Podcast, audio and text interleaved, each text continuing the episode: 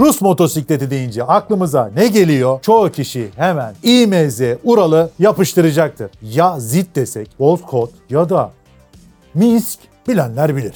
Bugün bizim için en önemlilerinden biri hatta Anadolu'da hala cayır cayır kullanılan su gibi de benzin içen, dumanlar attıran hatta benzin değildi acaba vodka içen mi desek ve de Kalaşnikov'la bağ olan tam bir Rus efsanesinden bahsedeceğiz. İZH ya da İJ veya Ha ha ha ha. Yok yok. Hepimizin çok iyi bildiği ismiyle Planet, Ben Onur Çakı, Ben Ekipedya gazlıyor. Şimdi geçmişe gideceğiz ve bu güzide markanın başından neler geçmiş bir bakacağız. Ama çok oyalanmayacağız. Hikaye Rus İmparatoru 1. Alexander'ın İsvek şehrinde bir cephanelik kurulması emri vermesiyle başlıyor. Sonraları Rusya'nın en büyük silah üreticisi olacak fabrikanın temelleri burada atılıyor. 19. yüzyılda yüz binlerce silah üreten bu merkez, Birinci Dünya Savaşı sırasında Rus ordusuna 1,5 milyon üzerinde silah tedarik ediyor. Sonrasında ne oluyor? Bolşevik devrimi geliyor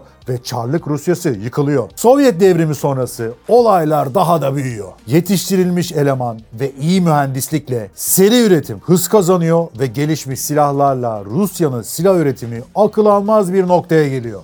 İsmi İzmaş olan bu silah üretimi merkezinin en önemli ürünü neydi? Mihail Kalashnikov tarafından tasarlanan AK-47. Namı diğer Kalashnikov ya da dördün ikisi. Anlayan anladı. Yaklaşık 100 milyon üretilmiş ve dünyanın her tarafında da ateş almıştır. SV-98, SVD gibi keskin nişancı tüfekleri, RPK gibi makinalı tüfekler ve daha sayamayacağımız yüzlerce ürün. Bırakalım bu silahları milahları. Bunlar keyifsiz konular. Biz motosikletlere geri dönelim. Yıl 1928. İsvek ya da İşvek silah fabrikasının küçük bir atölyesinde yetenekli mühendis Peter Mosharov 1200 cc hacminde 24 beygir güç üreten yaklaşık 300 kilo ağırlığa sahip bir canavar üretiyordu. İZH-1 zamanına göre çok sıra dışı olan bu makine sadece birkaç adet üretildi. Bu ağır makineler zamanın zorlu yarışlarına girip testleri geçtiler ve kendilerini kanıtladılar.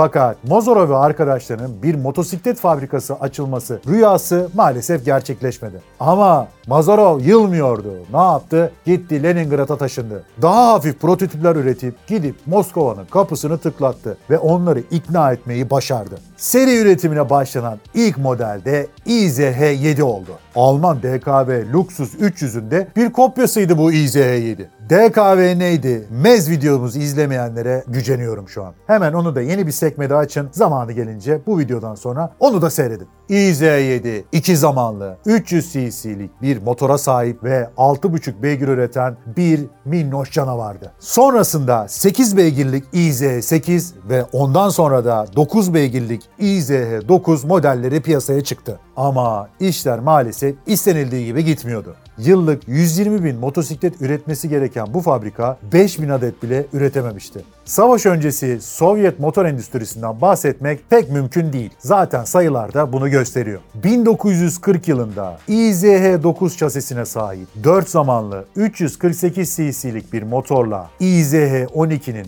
üretimine başlandı ama maalesef savaş kapıdaydı.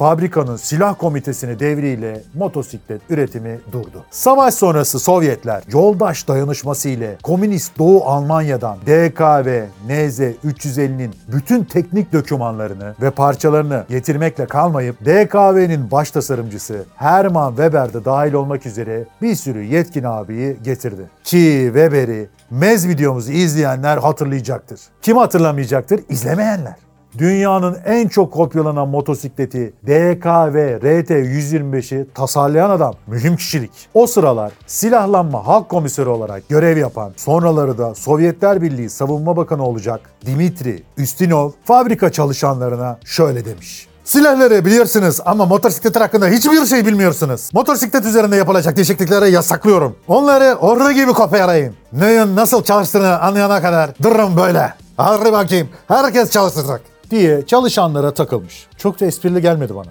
Komünist bunlar. Babacan şekilde takılıyorlar. Kopyalanan DKV NZ 350 yani İZH 350 1951 yılına kadar 120 bin adetten fazla üretilmiş. Aynı yıl ise İZH 350 değiştirilerek yerini İZH 49'a bıraktı. Yine DKV NZ 350 şasisi kullanılmış ama üzerinde kapsamlı değişiklikler yapılmıştı. Ön tekerlere teleskopik çatal eklenmiş, dingil mesafesi arttırılmıştı. 14 litrelik deposu ve 4000 devirde 11.5 beygir üreten motoruyla uzun yollar için biçilmiş kaftandı. Dayanıklıydı, çok çok sevildi. 58'e kadar yaklaşık 500 bin adet üretildi. Sovyetler Birliği'nde en yaygın model haline gelmişti ve yurt dışına ihraç ediliyordu. Bu model ülkemizde var mı bilmiyoruz. Bir bilgiye ulaşamadık ama çok yakışıklı. Bence tam bir efsane.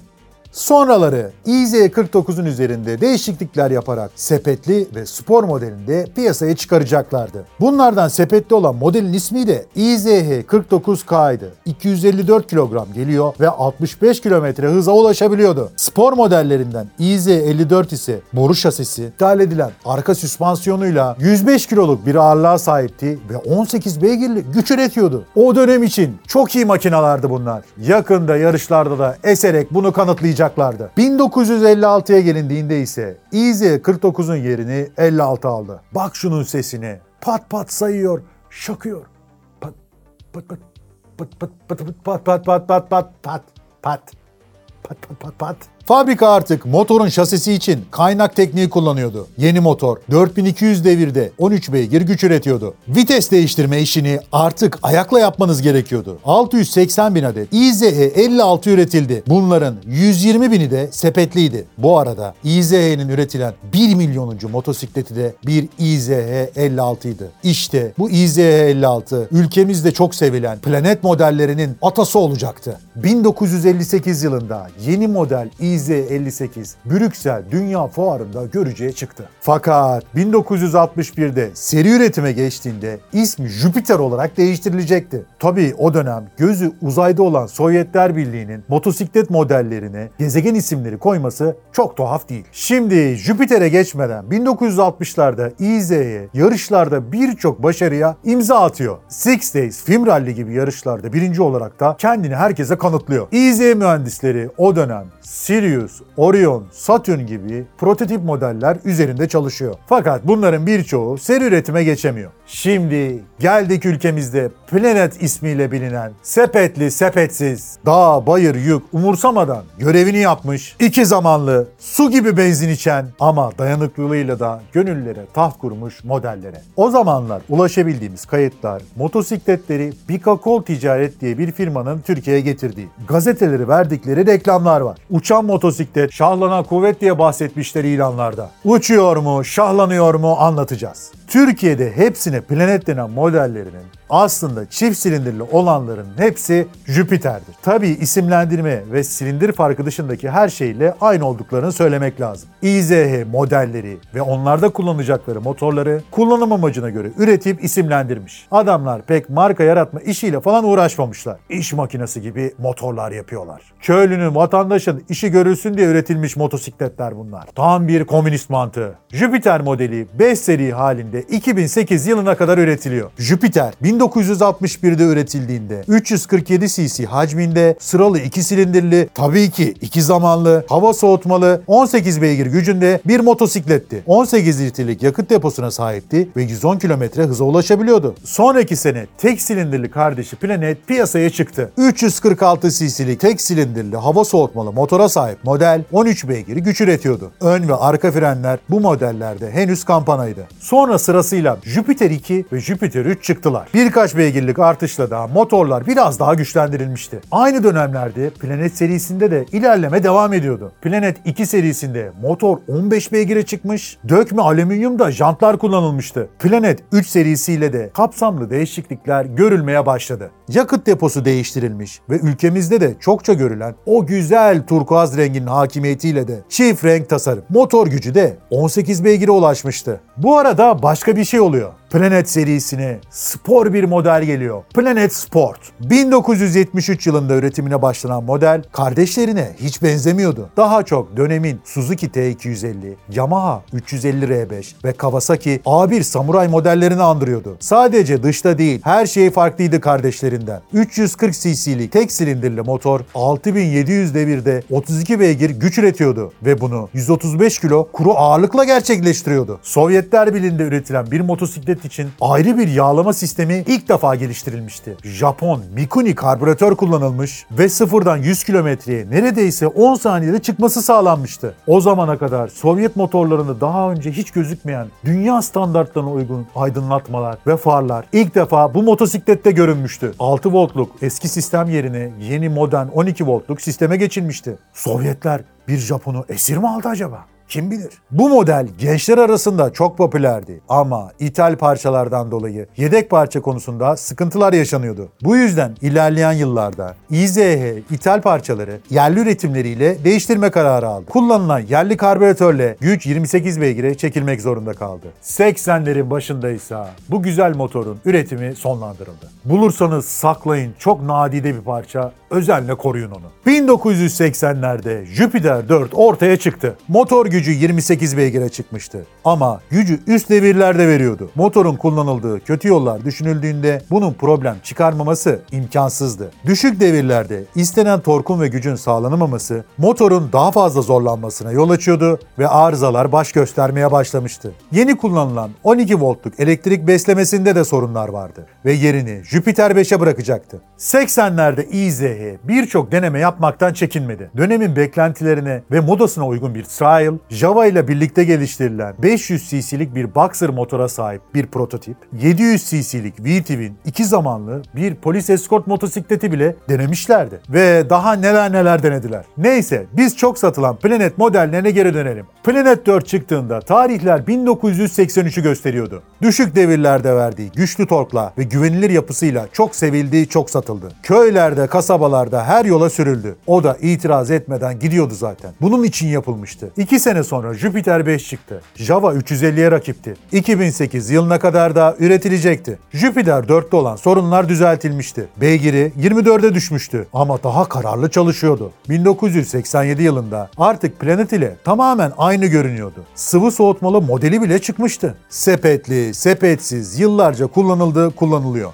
Planet 5'te harika tork eğrisiyle sepetli sepetsiz her yola geliyordu. Yükleri gık demeden taşıyordu. Tabii hem Planet hem Jupiter 2008'e kadar birçok yenilikle geldiler. Motor yağlama sistemi, ön tekerlekte disk frenler, tekli çiftli egzoz yerleşimi gibi birçok değişiklik yaşadılar. İZE markası sadece bu motorlardan ibaret değil. Arabaları arabaları falan var ama biz onlardan hiç bahsetmedik. Bir de Rusya'nın amansız kışı için ürettikleri çok güzel bir ATV var balon lastikleriyle her türlü zorluğun üstesinden kolayca geliyor. Veya 90'ların sonunda ürettikleri Cruiser Junker modeli var. Sınırlı sayıda 6000 adet üretilmiş. Ben de bir tane Türkiye'de satılıkta gördüm.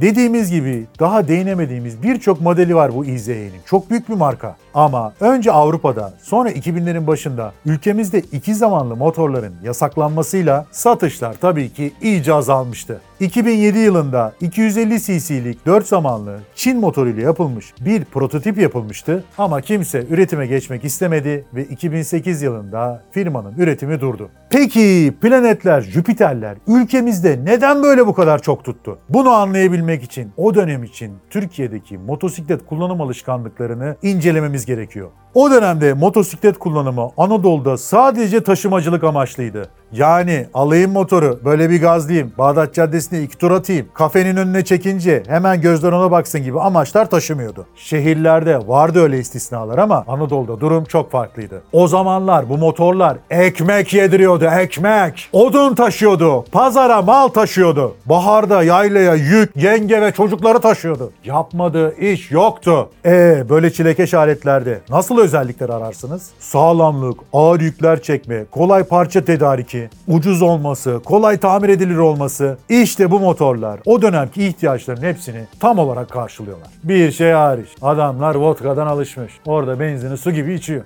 Bir kere her tarafı metal aletin zorlu Rus coğrafyasında kullanım için tasarlanmış. Düşmeye kalkmaya gelmesi gerekiyor. Tasarımı kolay tamir edilmesi için düşünülmüş. Tam komünist işi. Şimdilerde bunları dedesinin köyündeki ahırda bulan gençler yok ben bunu bir scrambler yapayım, ben bunu bir bobber yapayım diye çıkıyorlar ortaya. Yapmayın kardeşim, ellemeyin bu güzellikleri. Orijinal kalsın, orijinal. Baba yadigarı bunlar. Şehir motosikleti değil, safkan taşra motosikleti. Bütün anıları orada yapmayın.